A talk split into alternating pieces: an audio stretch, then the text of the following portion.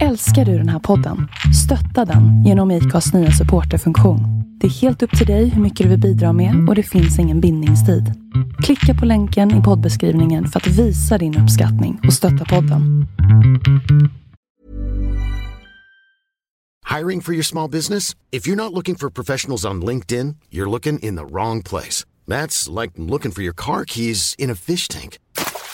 LinkedIn helps you hire professionals you can't find anywhere else, even those who aren't actively searching for a new job but might be open to the perfect role. In a given month, over 70% of LinkedIn users don't even visit other leading job sites. So start looking in the right place. With LinkedIn, you can hire professionals like a professional. Post your free job on linkedin.com slash spoken today. A lot can happen in the next three years. Like a chatbot may be your new best friend. But what won't change? Needing health insurance. United Healthcare Tri Term Medical Plans are available for these changing times. Underwritten by Golden Rule Insurance Company, they offer budget friendly, flexible coverage for people who are in between jobs or missed open enrollment. The plans last nearly three years in some states, with access to a nationwide network of doctors and hospitals. So, for whatever tomorrow brings, United Healthcare Tri Term Medical Plans may be for you. Learn more at uh1.com. Since 2013, Bombas has donated over 100 million socks, underwear, and t shirts to those facing homelessness. If we counted those on air, this ad would last over 1,157 days. But if we counted the time it takes to make a donation possible, it would take just a few clicks. Because every time you make a purchase, Bombas donates an item to someone who needs it. Go to bombas.com slash ACAST and use code ACAST for 20% off your first purchase. That's bombas.com slash ACAST, code ACAST. Hej, det här är Amanda från Västra Security Larmcentral.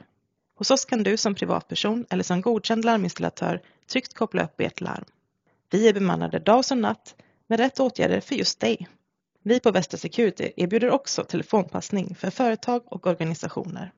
Välkommen att besöka oss på västrasecurity.se. Hej och varmt välkomna till ett nytt avsnitt av Sveriges mest tongivande podcast. Veckans gäst har i över 30 år rapporterat om brott och därmed blivit en av våra mest folkkära programledare genom tiderna törs jag påstå. Han har också blivit utsedd till årets manliga programledare inte mindre än två gånger och han har dessutom vunnit pris som producent för bland annat Robinson. Men idag, bland mycket annat, ska han få rapportera om vilka som är hans två favoritlåtar. Kära lyssnare, låt mig nu med största stolthet och respekt välkomna en av vår tids mest folkkära programledare, Hasse Aro. Tack. Tror att du överdriver lite, men tack ändå. Du, eh, jag har ju faktiskt följt dig. eh, Jag är ju född 1967 så jag har fått den stora äran att följa dig genom åren. Ja. Inte minst i Efterlyst. Mm.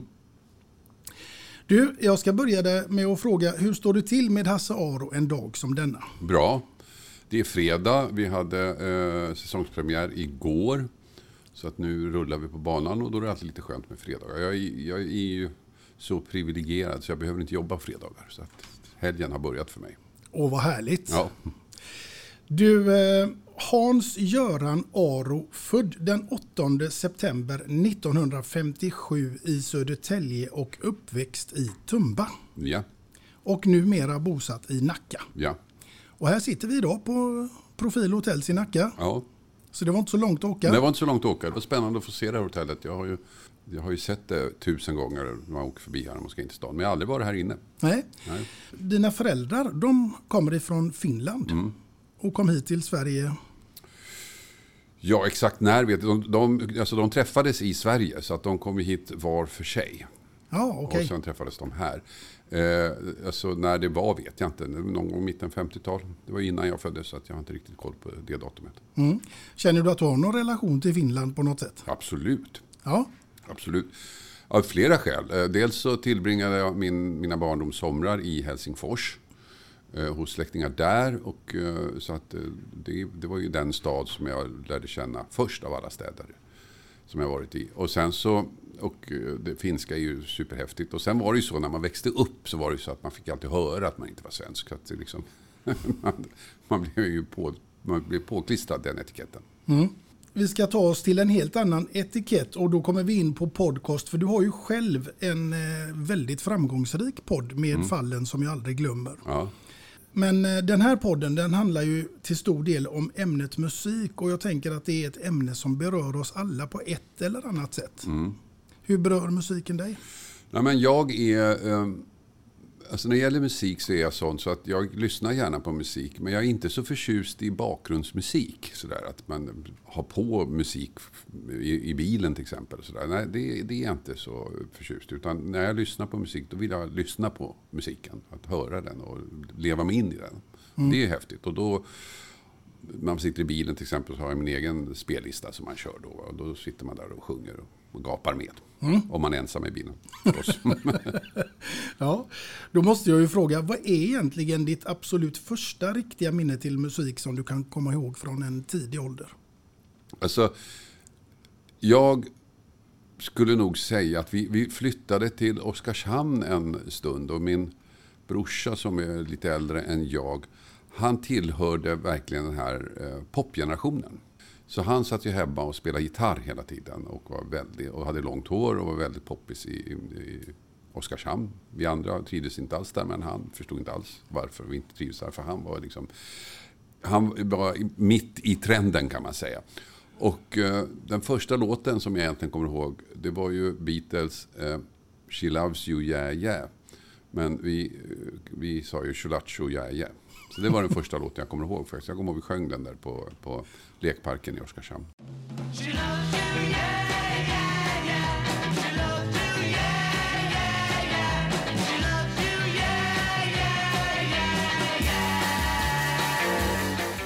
Det är ett minne så gott som något. Ja, Du, jag ska också fråga dig, var det svårt för dig att välja ut två låtar tills idag? ja, det var det. Jättesvårt för att eh, du, du vill att jag ska välja två låtar som betyder mycket för mig. Och det finns massor med låtar och musik som betyder jättemycket för mig. Och, och bara välja ut två av dem eh, är inte så lätt. Nej. Därför att alltså, låtarna, dels finns det ju låtar som betyder mycket i ens liv, som har betytt mycket i ens liv. Sen finns det låtar som betyder mycket liksom, i en, en stund. Eh, Så att eh, det, det är ju väldigt, ska man skriva en lista på låtar som har betytt något för en, då är den ju väldigt lång. Absolut. Jag ska också fråga dig, vilken var den allra första plattan du kom att köpa för egna pengar? Ja, jag tror faktiskt aldrig jag köpt en platta. jag tror inte det. Eh, Alltså som barn eller ung så köpte jag inte plattor. Det gjorde jag inte. Utan då spelade man in och, och körde på kassetter och sådär. Så att det var väl först när jag blev äldre och eh, man köpte CD-skivor. Men jag kommer faktiskt inte ihåg vilken som var den första. Det kommer jag inte ihåg. Nej. Du, eh, vi tar oss till någonting annat som du säkert kommer ihåg och då tänker jag att vi ska komma in lite granna på din eh, egen podcast. Eh, den är ju väldigt framgångsrik. Och är, vad är det liksom, är det något speciellt där som du aldrig någonsin kommer att glömma utav alla de här fallen som du har hållit på med under 30 års tid? Jag Ja. tänker att du måste ha varit med om hur mycket som helst och så ska man komma hem och så ska man bara släppa allt det där. Ja, det där är ju någonting som alla som sysslar med den här typen av verksamhet får hantera. Och eh, det är väl så att man har någon slags spärr, man har någon slags mur som man bygger upp. Och den, men den är inte hög nog att klara allt. Och när det är brott där barn är inblandade, då är det väldigt tufft alltså att hantera det tycker jag. När barn blir mördade och så ska man stå i tv oberörd och berätta om detta. Det är väldigt jobbigt. Ja, det kan jag tänka mig. Ja. Fy sjutton. Ja, så att man ska släppa det när man kommer hem. Och... Ja, men det, det är svårt att släppa. Jag kommer ihåg vid ett mord som vi skulle prata om. Och då vet jag att jag sa till... Annars tittar jag på alla inslag och pratar med reportrar och sådär. Men jag säger, jag vill inte se det här inslaget. Jag fixar inte det. Men ändå när jag stod där och påannonserade inslaget så kunde jag inte hålla tårarna borta. Nej. Nej, det förstår jag. Mm. Det, är, det är en grym värld du jobbar och verkar i. Ja, fast det, det där eh, har jag pratat om många gånger. Därför att det visste jag när jag skulle eh, ge mig in i den här världen. Jag visste det, att nu, ska, nu handlar det om ondska. Men det som jag har lärt mig och som har förvånat mig och som jag har tagit till mig, det är godheten. Därför i ondskan finns det också mycket godhet. Det finns människor som är drabbade av saker och ting som inte vill hämnas. De vill ha upprättelse, det är en sak, men de vill inte hämnas. Det finns människor som hjälper människor som har drabbats av olika saker. Så att godheten och storleken på godheten, det är det som har förvånat mig kanske. Och glatt mig som jag tagit till mig. Att människor kan vara onda, det, det visste, visste man ju. Mm. Under alla de här 30 åren som eh, Efterlyst och många andra program eh, liksom i den genren. Löser man mycket av brotten som kommer ja, in? det gör vi. Alltså, jag skulle säga att i snitt så, så löser det beror på vad man menar med löser förstås. Men jag menar, vi, om polisen vill ha tips om ett brott och så får de tips. Och eh, så, sen kanske den personen inte blir dömd ändå av olika anledningar. Alltså det, det, det, vad man lägger in löser. Men att vi får, vi får tips som gör att utredningen går framåt och ibland en, hela vägen till fällande dom. Det, det skulle jag säga ligger mellan ett och två per program. Vilket gör att det blir en bra bit över tusen. Mm. Det är ju väldigt bra. Ja, det är ju väldigt bra. Absolut. Och då tänker jag så här att det är många tittare på det här programmet också. Mm. Vad är det som gör att, detta, att människor är så fascinerade av eh, brott och ondska och kriminalitet? Det är en bra fråga. Jag har inte riktigt svar på det. Det som, det som fascinerar mig lite grann, som jag tycker är lite eh, spännande, det är att när vi började, då var vi ensamma. Det var bara vi som gjorde tv om brott. Och det ansågs inte riktigt rumsrent, utan brottsjournalistik var lite smutsigt. Och det fanns ju två tidningar som, som Kriminaljournalen och vad heter den, Veckans brott. Två tidningar i alla fall som hade brott. Men de hade, det var en blandning mellan brott och sex. Så det var liksom, varannan sida var det brottsreportage, varannan sida var det nakna kvinnor. Och det var där som, som det låg. Liksom. Eh, och nu är det ju precis tvärtom. Nu gör ju alla väldigt mycket krimreportage och krimstories. Och till och med Sveriges Radio har ju egen krimpodd och sådana saker. Så att det har ju skett en väldig förändring. Ja, men jag tror att dels när det gäller rent allmänt så tror jag att människor är fascinerade av brott. Därför att dels säger brott en del om vår samtid. Vad är det för brott som begås just nu? Vad är det som händer just nu? Jag tror också att folk är lite fascinerade över att pröva sina egna gränser. Vi tror ju alla att vi är liksom goda människor. Vi skulle aldrig göra något, något ont. Men det gör vi ju hela tiden. Vi gör ju hela tiden saker vi vet är fel. Jag menar, vi kör för fort, vi parkerar fel. Och så. Det får man ju inte göra, men vi gör det ändå. Liksom. Så att vi har ju alla, liksom, det är inte så att ingen av oss är 100% god, utan vi har alla lite ondska i oss. Och frågan är, hur stor är den? Hur, hur långt kan vi gå om vi blir prövade? Om vi hamnar i en tillräckligt svår situation, skulle vi kunna döda någon annan människa då? Jag tror att det här är någonting som många funderar på. Och i brott så, så, är, så tror jag att det är just den typen av brott som folk är mest intresserade av. Nämligen där någon icke yrkeskriminell utför någonting i en särskild situation. Och sen tror jag när det gäller vårt program så tror jag också att det finns en fascination och det, det, där har jag, det fattade jag inte från början. Men att du sitter och tittar på vårt program och du sitter och tittar på TV och plötsligt så kan du vara vittnet vi söker. Plötsligt inser du att den här röda bilen du såg igår som körde lite konstigt, ja men den var ju kopplad till ett brott. Och då är du plötsligt, då kan du göra en insats. Mm. kan du ringa och berätta var, var såg du den här röda bilen någonstans. Och det kan ju vara ett avgörande tips. Även om du när, du när du stod den inte förstod att den hade någon betydelse alls. Mm. Så det tror jag också är en del av fascinationen för vårt program. Mm.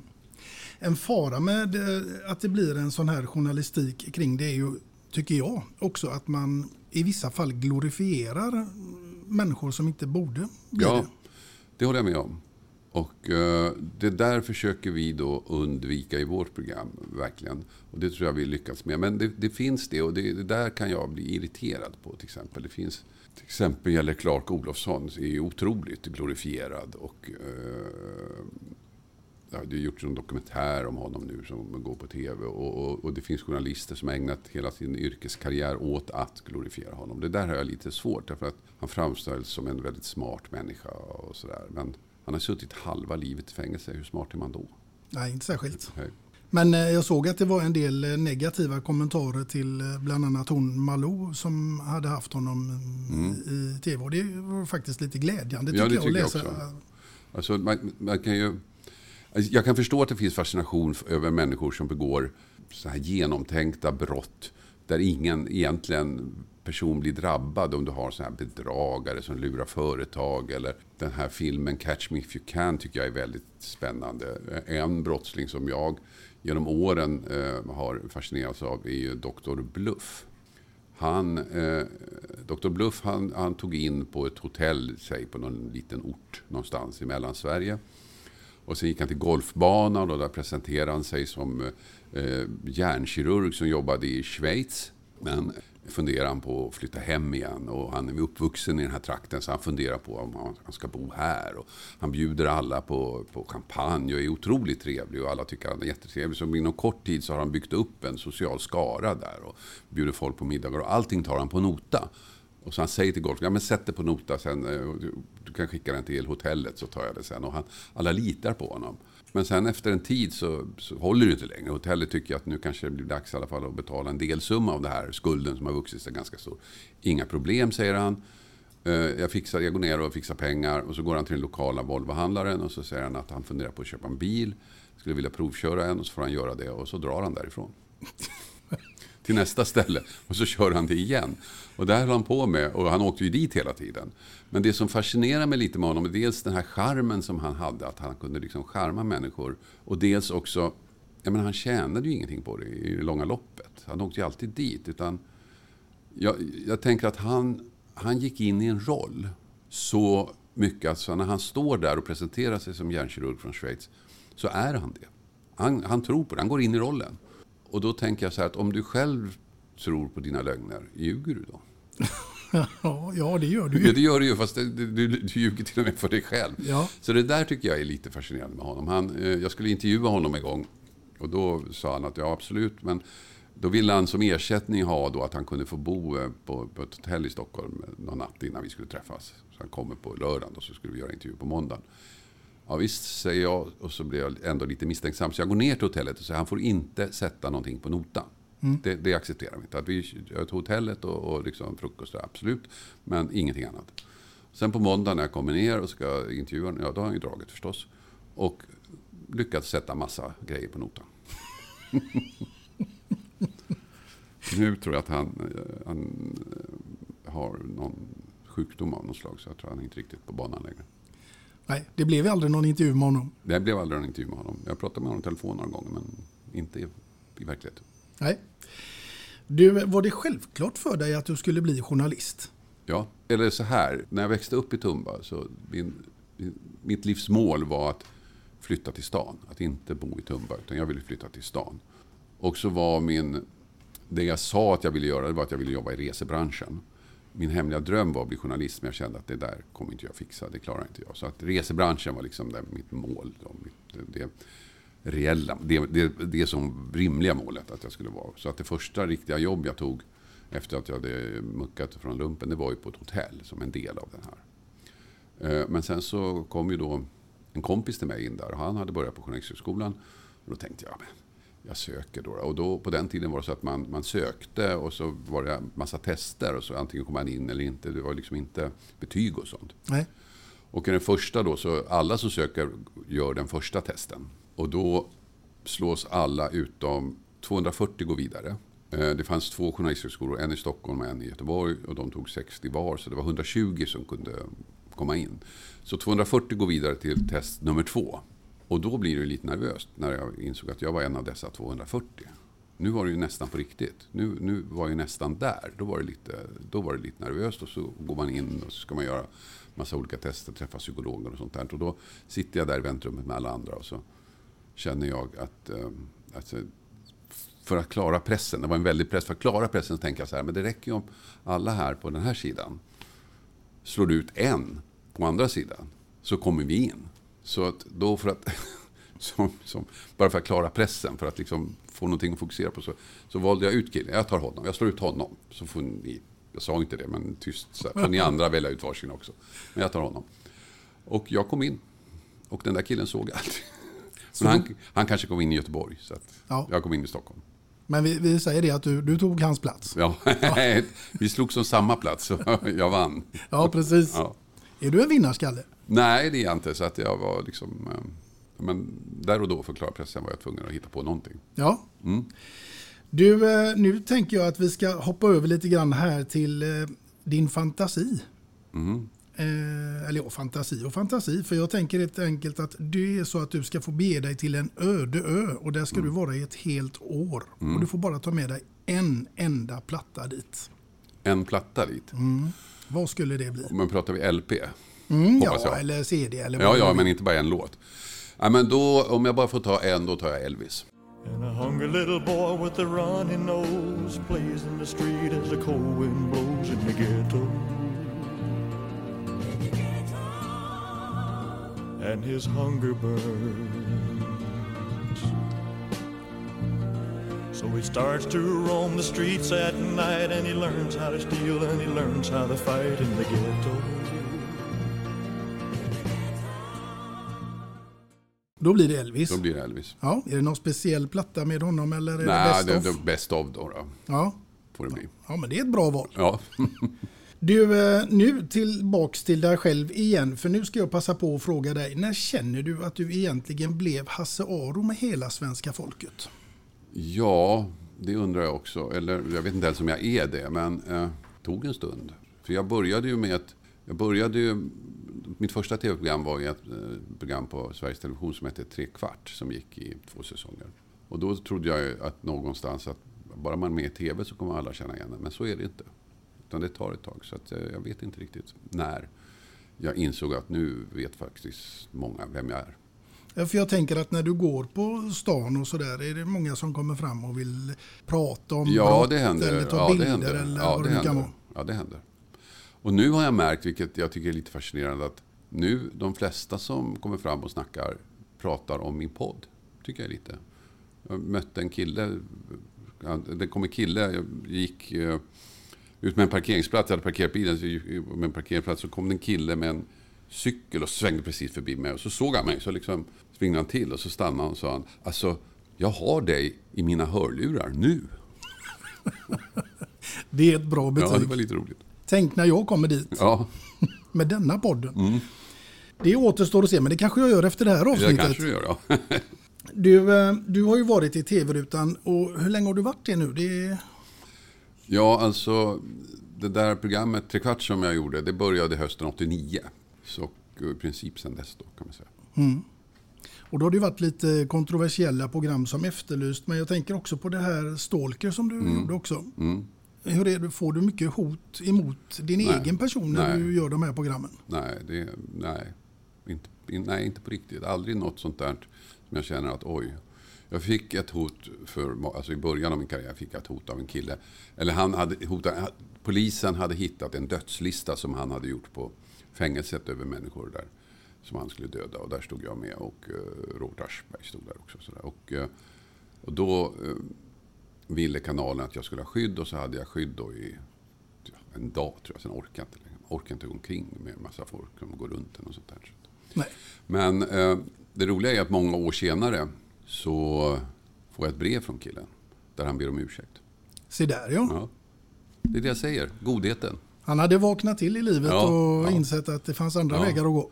Det, hade, det där råkade jag ut för en annan gång också när jag stannade på väg från Arlanda. Stannade på McDonalds och skulle köpa, på drive-inen där skulle jag köpa.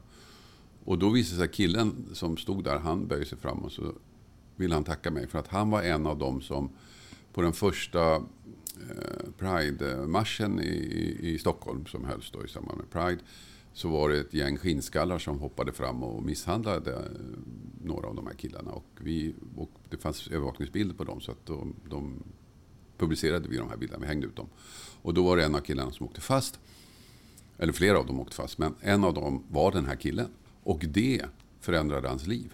Sen efter det så blev han frälst och började jobba på McDonalds. Och tackade mig för att vi hade hängt ut dem.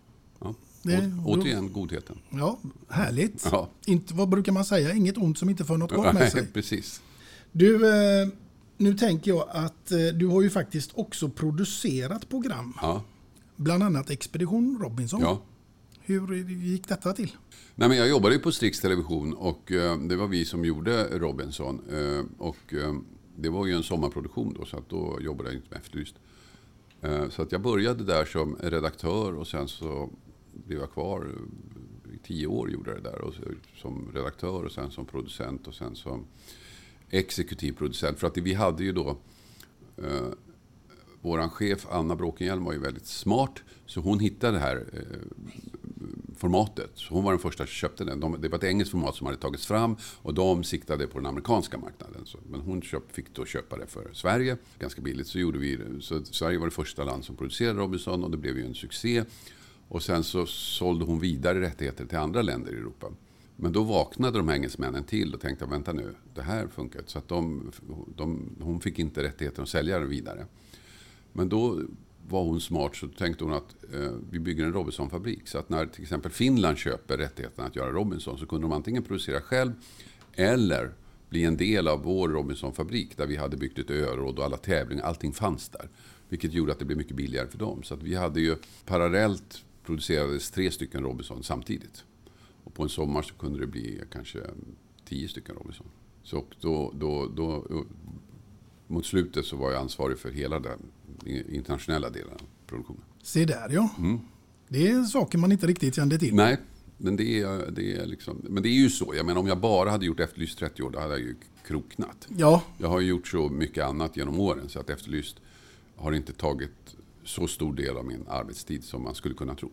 Nej, du har ju faktiskt också medverkat i en del filmer. Ja, det har ju tidsmässigt inte tagit så lång tid. Men Nej. Nej. det har varit lite kul. Ja. Mm. Du har aldrig tanken på att du skulle bli en skådespelare? Nej, det har jag faktiskt inte. Men jag har det i blodet. För att min farbror som jag aldrig träffade, han var faktiskt teaterdirektör i Helsingfors. Jaha, ja. se där Och skådespelare och rektor för scenhögskolan där och så. Ja. Mm. Du, den här podden handlar ju till stor del om eh, ämnet musik. Mm. Och eh, någonstans har jag hört att du har en förkärlek till opera. Ja.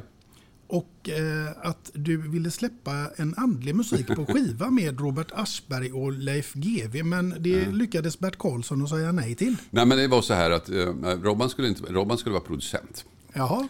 Eller agent skulle han vara. Så att jag och Robban och eh, Leif satt på krogen. Och eh, Leif och jag delar fascinationen över andliga låtar. Vi gillar andlig musik sådär. Som en bro över mörka vatten ska jag bära dig Och så satt vi och pratade om det och så tyckte Robban att ni måste ge ut en skiva. Och så där och då ringde han till Bert Karlsson. Som då eh, inte var superentusiastisk. Helt obegripligt. Helt ja. obegripligt. Va? Bert, om du lyssnar på det här nu så har du chansen att eh, ta tillbaka det här. Ja. Sen har du ju varit med i Let's Dance också. Ja. Med Charlotte ja. dansade du där. Ja, Charlotte Sinclair, ja. Just det. Det var otroligt roligt. Mm. Jag var helt värdelös, men det tror jag är bra drag jag har. När jag ställs för en utmaning så hoppar jag på den. Även om jag vet att det kommer att inte gå så bra. Men herregud, man måste, får man möjlighet så måste man ju. Mm. Och det var en väldigt kul grej att göra. Jättekul. Mm. Och då tänker jag att, för nu ska du få en fråga som är kopplad till det. För nu är det så att Hasse Aro, du är i final i just Let's Dance. Mm. Och här vill jag veta med vem du hade dansat i bara fantasin som sätter gränserna och till vilken låt detta nu hade fått utspela sig till. Ja, men jag hade ju dansat med Charlotte. Det hade du gjort? Ja, det är självklart. Ja. Uh, men jag hade nog, jag tror att vi kom aldrig så långt. I min bild av mig själv så tror jag att jag är väldigt bra på tango. Mm. Jag har aldrig dansat det, men jag får en känsla av att jag, det, det, är den dansen som jag skulle klara bäst. Så att om vi hade gått till final så hade jag nog valt tango.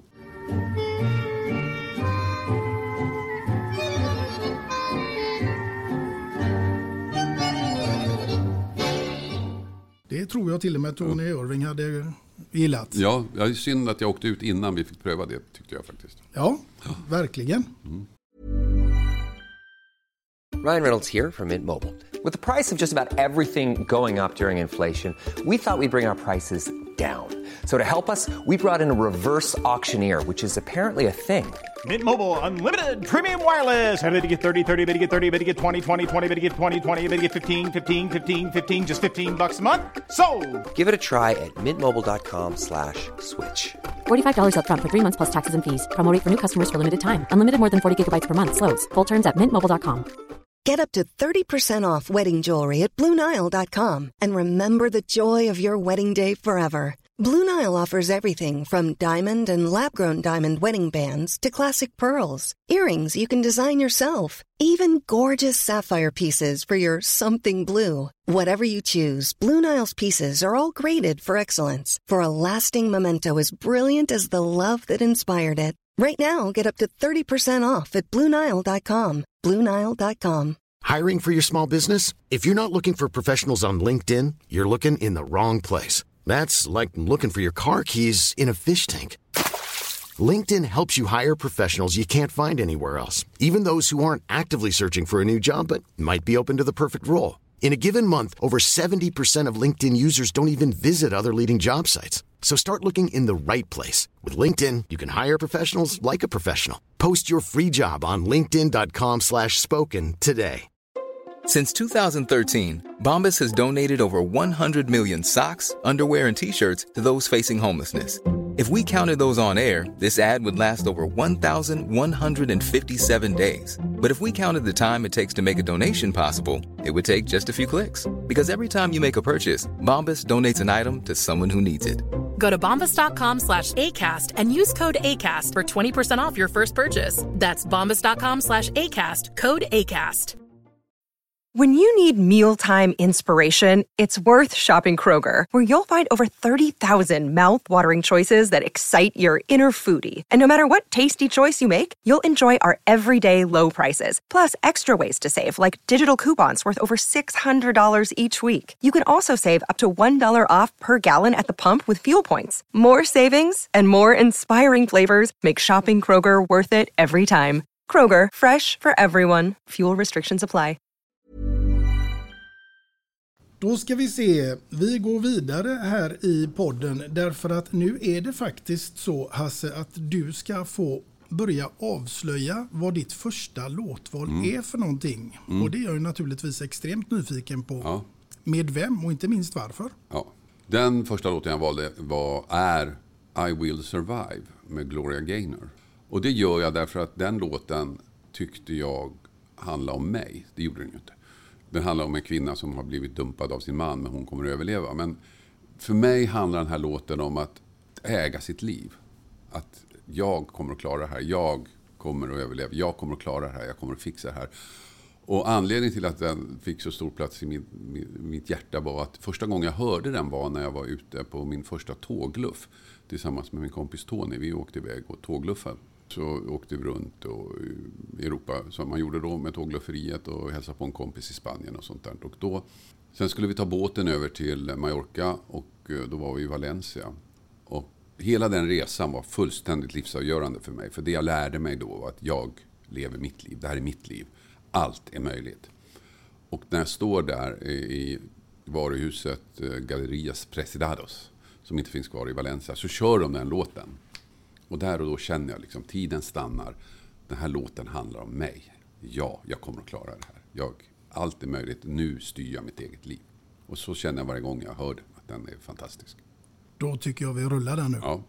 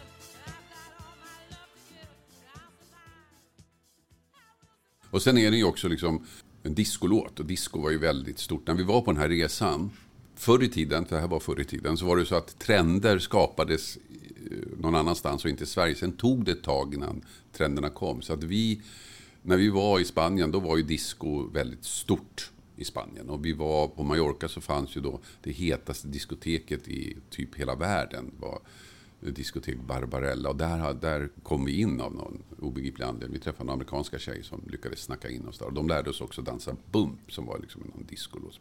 Så när vi kommer hem, till skillnad från Let's Dance, så var jag då kung på dansgolvet. För jag och Tony var de enda som kunde dansa bump. Vi hade lärt oss det på Mallis. För då kom den trenden till Sverige på hösten när vi kom hem. Då var du kung på golvet. Då var jag kung på golvet, ja. Det var roligt. Ja, det kan jag tänka mig. Mm. Du, någonting som kanske inte var lika roligt tänker jag, det var när du lämnade TV3 och gick till TV4. Nu kommer jag ju ifrån fotbollsvärlden, men det är lite som att gå från Blåvitt i Göteborg till AIK. Liksom. Ja. Det, man gör inte det. det verkar inte så. Nej, men jag fick eh, ett erbjudande där. Och så, som jag sa tidigare, liksom, när man får en utmaning, när man ställs inför ett val, så tycker jag att det naturliga är att svara ja. Om det inte, liksom, även om man är rädd, även om man är osäker. Men det är något nytt. Jo, men det är klart man måste testa. Mm. Det måste man göra. Så det Det var, jag. det var ingen schism eller något, utan det var, Nej, nej, nej, det var en ren var- värvning. Ja, det var det. Mm. Du, eh, nu ska vi hoppa över till någonting helt annat. För att nu ska vi komma in lite på ämnet matlagning. För jag någonstans har också hört att du lagar Stockholms bästa omelett. Mm. Och skulle besegra vilken mästerkock som helst i en Mm. omelettduell. Mm.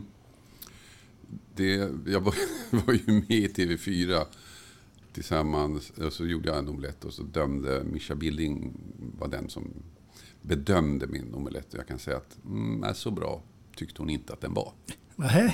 Och jag hörde hennes sommarprogram och det var ju fantastiskt bra. Så man måste ju respektera hennes synpunkt. Så att det där kanske inte stämmer då. då.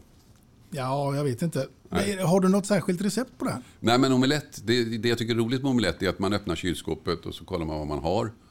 Förutom ägg som man måste då ha. Och vad, som man, vad man än har kan man slänga in det i omeletten. Mm. Så att som lunch när man är hemma så är det ju perfekt. Liksom. Ja. Du tar det du har och slänger in. Jag är helt kass på att göra omelett, men Ja. eh, du får ge mig några tips på det här Ja. efteråt. Även om nu Mischa inte tyckte att de var så, den var så god så var den ändå ganska snygg. Ja, Det är ju också viktigt. Det är det definitivt. Ja. Det skapar ju lite aptit. Du, eh, du har ju vunnit TV-priset Kristallen för årets manliga programledare 2005 och 2007 och Mm. sen samt då som producent för Expedition Robinson 2005. Mm. Och 2011 så blev du utsedd till årets säkerhetsperson. Just det. Det är Av eh, säkerhetsbranschen. Av säkerhetsbranschen, ja. ja. Ja. pris där. Det är ett stort pris. Ja, det var roligt. Ja. Men eh, Kristallen som årets manliga programledare, det kan, Mm. större pris än så kan man väl knappast få. Nej, det är väl typ tv-världens Oscar i Sverige. Mm. Så det var väldigt kul att ha den. Ja.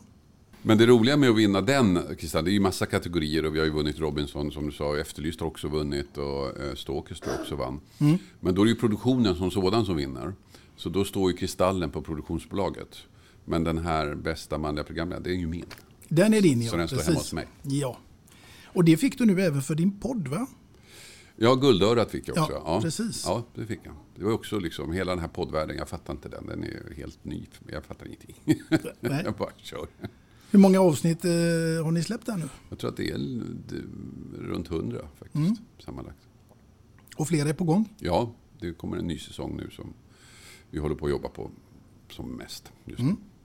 Du, eh, vem skulle få skriva låten eller visan om Hasse Aro? Mando Diao tror jag skulle göra en jättebra. Mm. Varför tror du det? Ja, det, jag vet inte, det var det som dök upp i mitt huvud. Ja. Men det var också så här, det var lite roligt för jag och min fru var, och vi, vi åkte till eh, Mallis när hon fyllde år för inte så länge sedan. Och så sitter vi bakom ett gäng killar som sitter, liksom fyller två rader på flygplanet och pratar och är jättetrevliga och sådär. Och så vi känner, någonstans tycker vi liksom att det där känner vi igen, vilka är det där? Och vad kul de verkar ha och sådär. Och sen så inser vi när vi går av då och sitter i taxin. Ja men det var ju Manto Diao.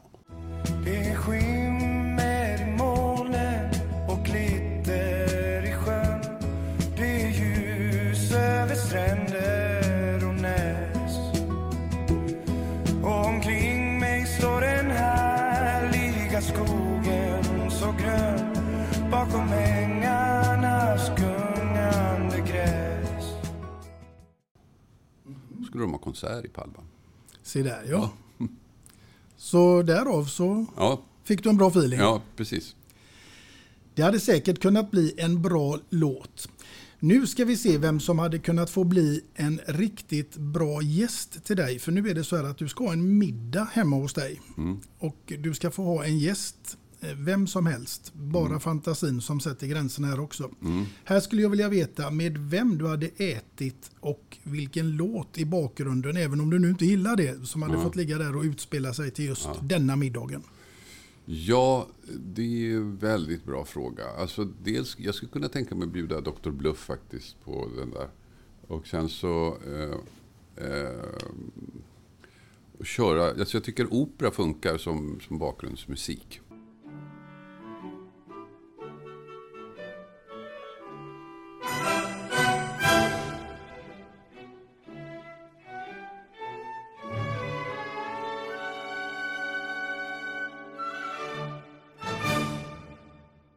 Dr. Bluff kunde jag väl eh, ha kört och sen så Jan Stenbeck skulle jag tycka var kul att träffa också. Mm. Eh, någon gång sådär eh, på tu man hand. Eh, sen finns det ju skådisar och författare. Ja, det är ganska många som jag skulle vilja ha med. Men nu får du bara välja en. Ja, men vem ska jag ta då? då? Jättesvårt. eh, Mm, jag kommer inte på det nu. Så här. Nu blev jag lite pressad. Det kanske skulle vara bra med Dr. Bluff. Ja, precis. Han hade fixat. Ja, men det hade varit trevligt. Jag tror att en middag med Dr. Bluff, den är inte tråkig. Nej, bara du får styra notan. Ja, just det. Precis. Ja, det får jag ju oavsett om han säger att han ska göra det. Så får jag ju ta den ändå på ett eller annat sätt. Så. Ja. ja. Du, vi tar oss ifrån den här middagen till någonting helt annat. Och då tänker jag att jag ska fråga dig att jobba med Leif GW. Mm. Ja, det var väldigt kul att jobba med honom. Han är ju eh, en personlighet, kan man säga. Och eh, efter varje sändning, kanske inte varje, men typ varje sändning så landade vi alltid på Teatergrillen i, i eh, Stockholms innerstad där. Och, han, han, han, var ju halvårsvis, han är ju halvårsvis nykterist, men det hände att han gjorde vissa undantag ändå. Mm. Så hamnade vi där. Det var väldigt trevligt. Mm. Och det man minns ifrån honom det är att han kunde sitta liksom i tv med snusdosan. Ja, han är ju en väldigt person, alltså, tv-personlighet. Att han gör ju allt som man inte ska göra med snusdosan och håller på med sina glasögon och mu- mumlar och sådär. Men det gör ju honom till en personlighet som går hem. 100, många som redan har gjort. Har du någon bra fråga? Eh, Ja, tyvärr satt jag åt jordnötter i bild här och många, det är en vanlig fråga varför gör jag det? Jag blev överrumplad. Till nästa vecka ska du få ett körschema så ser du exakt Ja, vad det ja, det vore praktiskt för att Väldigt få hade kunnat gå hem med det i tv, det tror jag. Mm. Och på tal om det här med att gå hem i tv. Du hade ju också eh, ett program som förändrade tv. Programmen som förändrade tv. Utbildningsradion va? Ja, jag var med där bara. Eh, Jag var inte, eh, alltså, jag blev intervjuad i det programmet. Mm. Mm. Och då tänker jag så här att programmen som förändrade tv. Hur ser du på tv-mediet idag kontra hur det var när du en gång började? Ja men alltså, då när vi började, det var en fantastisk period när man fick möjligheten att börja. Det, det var ju TV3 som började då och så fick vi eh, så jobbade jag på Strix Television då som var det produktionsbolag som producerade mest för TV3 och så jobbade jag bland annat med Robban Aschberg och Diskutabelt, det var det första vi gjorde. Och det var ju, tanken var ju att provocera. Provokationen hade sitt, sitt eget värde där. Att, för att nå fram, för att nå ut, för att liksom... Det var ju inte så många som hade TV3, så, så, så måste man provocera. Och då, det programmet gjorde ju det. Att det tog upp ämnen som inte andra debattprogram tog upp. Tog in deltagare som inte hade fått vara med i, i public service. Så, så det öppnade ju upp en helt ny värld och det var ju fantastiskt att få vara med om det. Och det där, har ju, det där förändrade hela tv-branschen för att nu är det ju större bredd, större vidd på alla, alla tv-kanaler än vad, vad det var då när vi bara hade ettan och tvåan. Det var ju ganska trångt där då. Mm. eh, Av olika skäl. Men nu, nu är det ju mycket, mycket mer att se, mycket mer att välja på. Mycket mer skräp Mm. förstås. Ja. Men också mycket mer bra grejer. Så, att, eh, och, så det, var, alltså det var ett privilegium att få vara med och förändra detta. Att liksom slå in kilarna i, i det här systemet och öppna upp det. Mm, det kan jag tänka mig.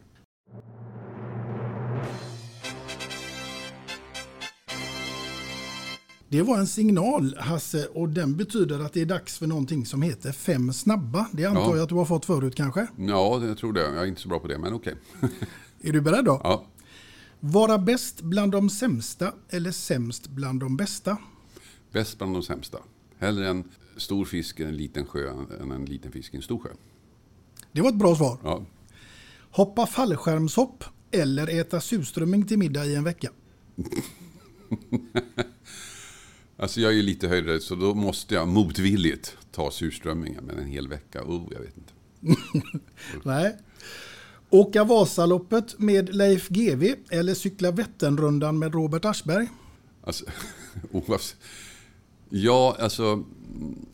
Robban är ju mer en vinnarskalle än GV tror jag. Så att jag tror det hade varit jobbigare. Så jag väljer Vasaloppet med GV. För att jag tror att vi hade slutat någonstans efter någon kilometer på någon krog någonstans.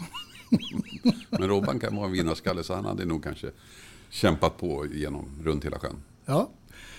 Vara programledare för Paradise Hotel eller presentera vädret? Äh, men då presenterar jag vädret. Mm. Kung i baren med Magnus Uggla eller Främling med Carola? Kung i baren. Kung i baren med Magnus Uggla. Mm. Mm. Det, var ju, det här löste du ju snabbt och Ja, ja, ja, men det är för att jag trodde att jag skulle inte få alternativ utan jag skulle hitta på svaren själv. Mm. Nej, Ja, antingen här- eller. Ja, det, det var enkelt. Ja.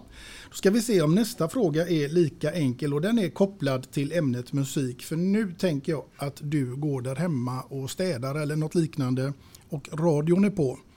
Och där spelas en låt som du känner, nej absolut inte, det här åker av eller jag byter kanal. Mm. Vad skulle det kunna vara? Ja, men då är det väl någon modern punklåt tror jag.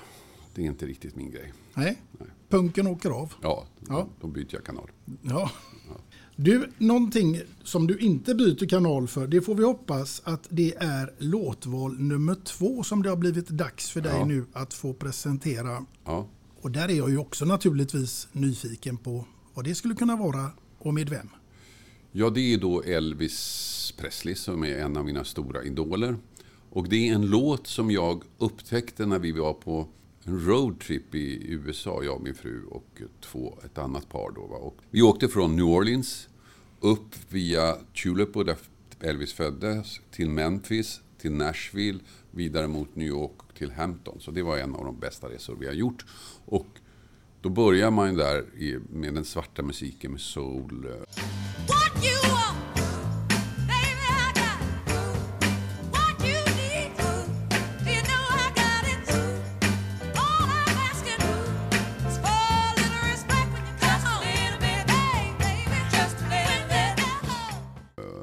Och sen åker man upp och så blir det, ju närmare Nashville man kommer desto mer blir det country. Hela resan präglas av musiken. Och mittemellan där, där föddes Elvis. Och det var ju det han gjorde. Han tog ju den svarta musiken och, och spelade den för en vit publik. Vilket var ju det som gjorde honom så unik. Så han influerades både av den svarta musiken och av eh, eh den vita musiken, då, countryn.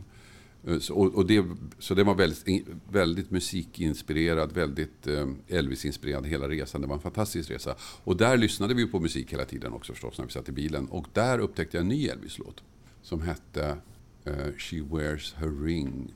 She wears my ring around her finger. Den hade jag aldrig hört faktiskt. Jag trodde jag hade hört alla låtar. Och jag tyckte den var väldigt bra. Så den har jag valt. Då tycker jag att vi tar och rullar den. She wears my ring to show the world that she belongs to me. She wears my ring to show the world she's mine eternally with loving care. I placed it on her finger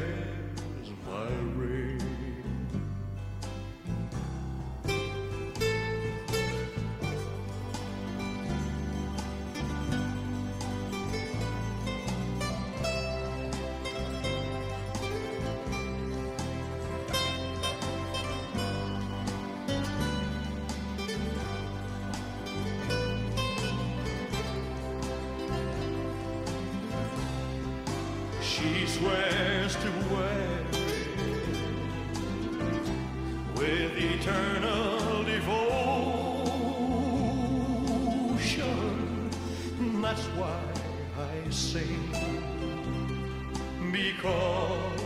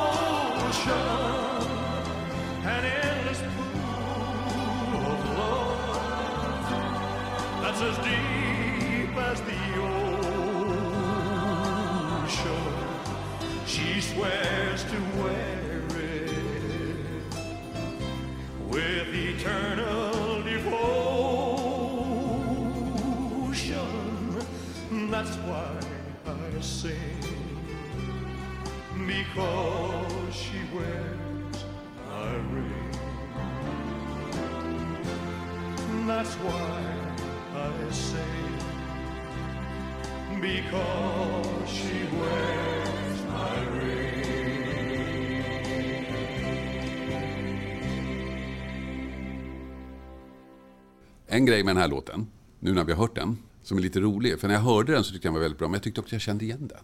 Vad är det här för låt? Jag tycker jag kände igen den här låten.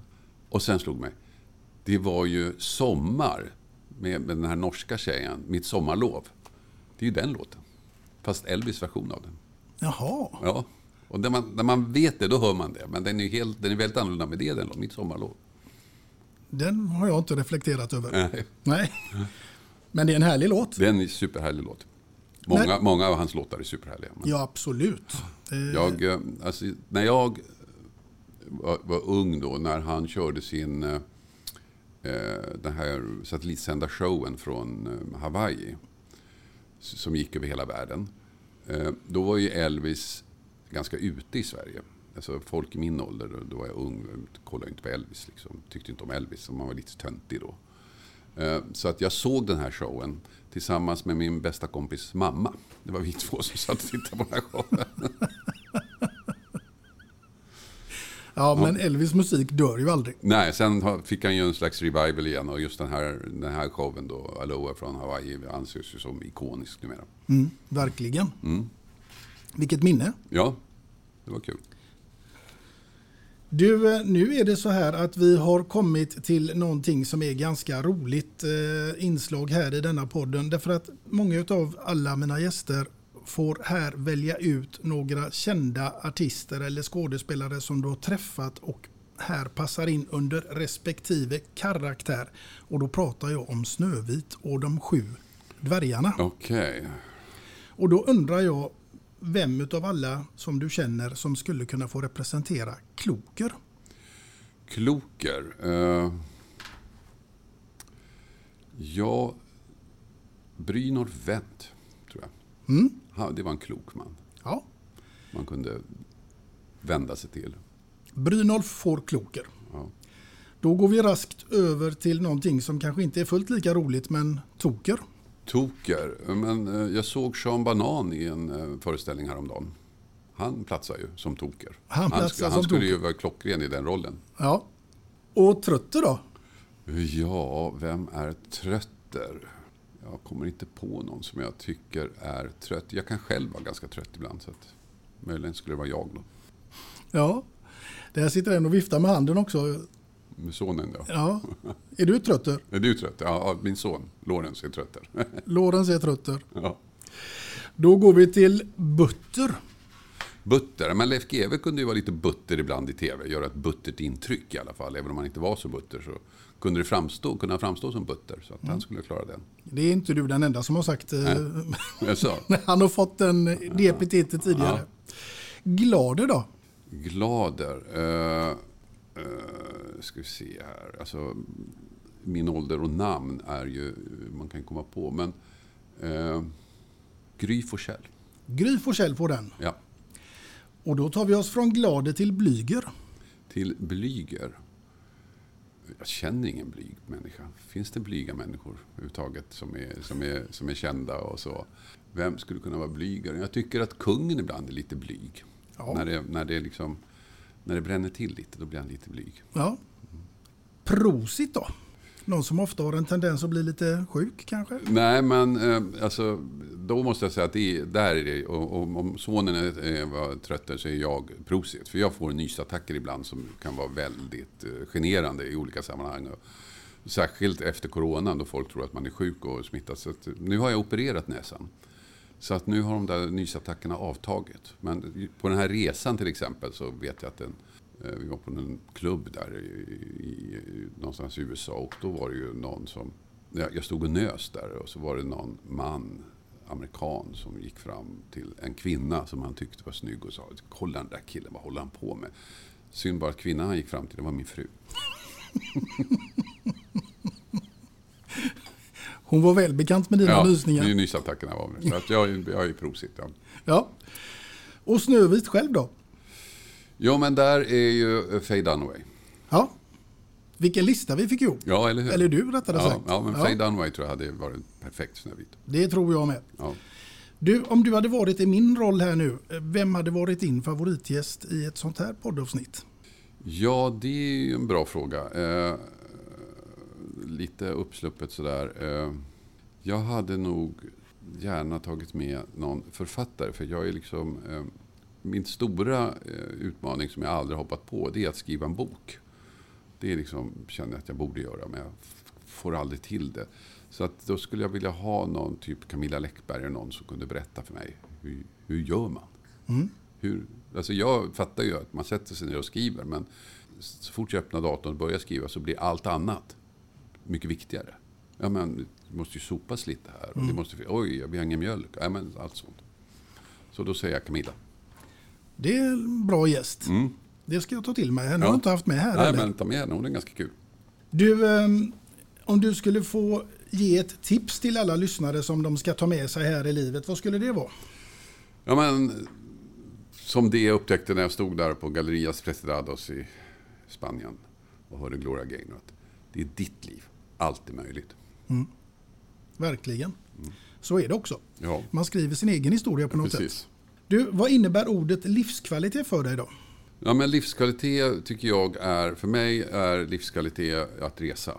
Jag älskar att resa. Det som var så fantastiskt med Robinson var att jag fick åka runt i hela världen.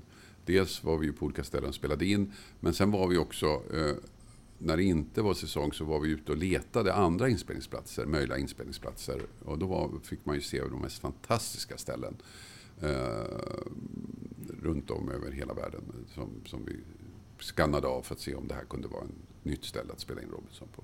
Så resa tycker jag är fantastiskt. Och som lyckligast är jag nog när jag sitter i baren på flygplatsen precis innan planet ska gå. Då är allt möjligt. Ja, då är allt möjligt. Mm. Själv sitter jag där och är hypernervös innan man ska gå på planet. Jag tycker det är äckligt att flyga, men det tycker inte du? Ja, jag, är inte så, alltså jag, jag är inte så förtjust i att flyga. Eh, Jag hade en period när jag eh, var lite orolig. Men det får man ta, därför att när du sitter där, du vet inte vad som ska hända. Så, så det är liksom, ja, allt är möjligt. Mm. Då får man ta den här flygresan. Ja. Nu ska jag passa på också att fråga dig hur dina morgonrutiner ser ut. Ja, men de är ganska enkla, eh, eller eh, givna. De ser ut ungefär likadant. Jag går upp, eh, jag ä- jag äter inte frukost, jag tar en kopp kaffe. Jag sitter och spelar spel på min telefon och, och eh, varvat med att jag går igenom tidningarna och sånt där. Tar min lilltjej till dagis och sen åker jag till jobbet. De Mm. dagar jag åker in till stan och jobbar. Mm.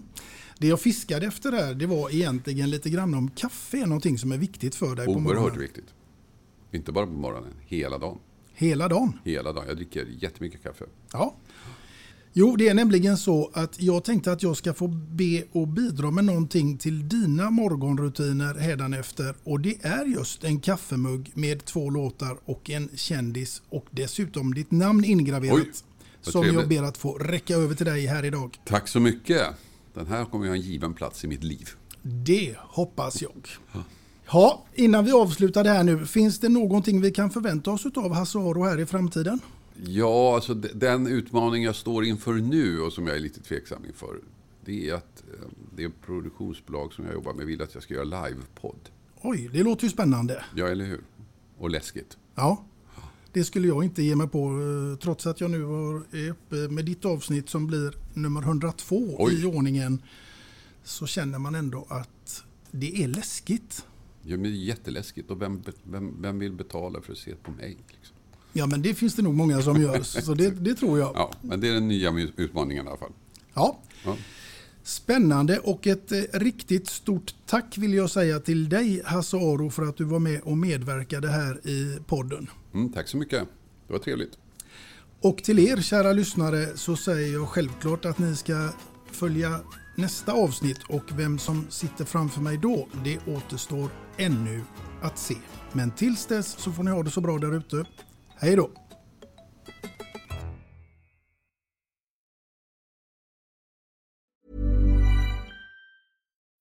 When you need mealtime inspiration, it's worth shopping Kroger, where you'll find over 30,000 mouthwatering choices that excite your inner foodie. And no matter what tasty choice you make, you'll enjoy our everyday low prices, plus extra ways to save, like digital coupons worth over $600 each week. You can also save up to $1 off per gallon at the pump with fuel points. More savings and more inspiring flavors make shopping Kroger worth it every time. Kroger, fresh for everyone. Fuel restrictions apply. ACAST powers the world's best podcasts. Here's a show that we recommend. The Real Housewives is a guilty pleasure for most, but if you're looking to not feel guilty about that pleasure, tune in to Everything Iconic with me, Danny Pellegrino, where I break down all the messy moments and behind the scenes antics of Bravo's popular franchise. And on Everything Iconic, I also interview celebrity guests like Kelly Ripa, Kiki Palmer, Drew Barrymore, Cameron Diaz, and more about their guilty pleasures, their past work, and so much more. So if you're pop culture obsessed and find yourself watching way too much reality TV like me, tune in to Everything Iconic with Danny Pellegrino wherever you listen to podcasts. ACAST helps creators launch, grow, and monetize their podcasts everywhere. ACAST.com.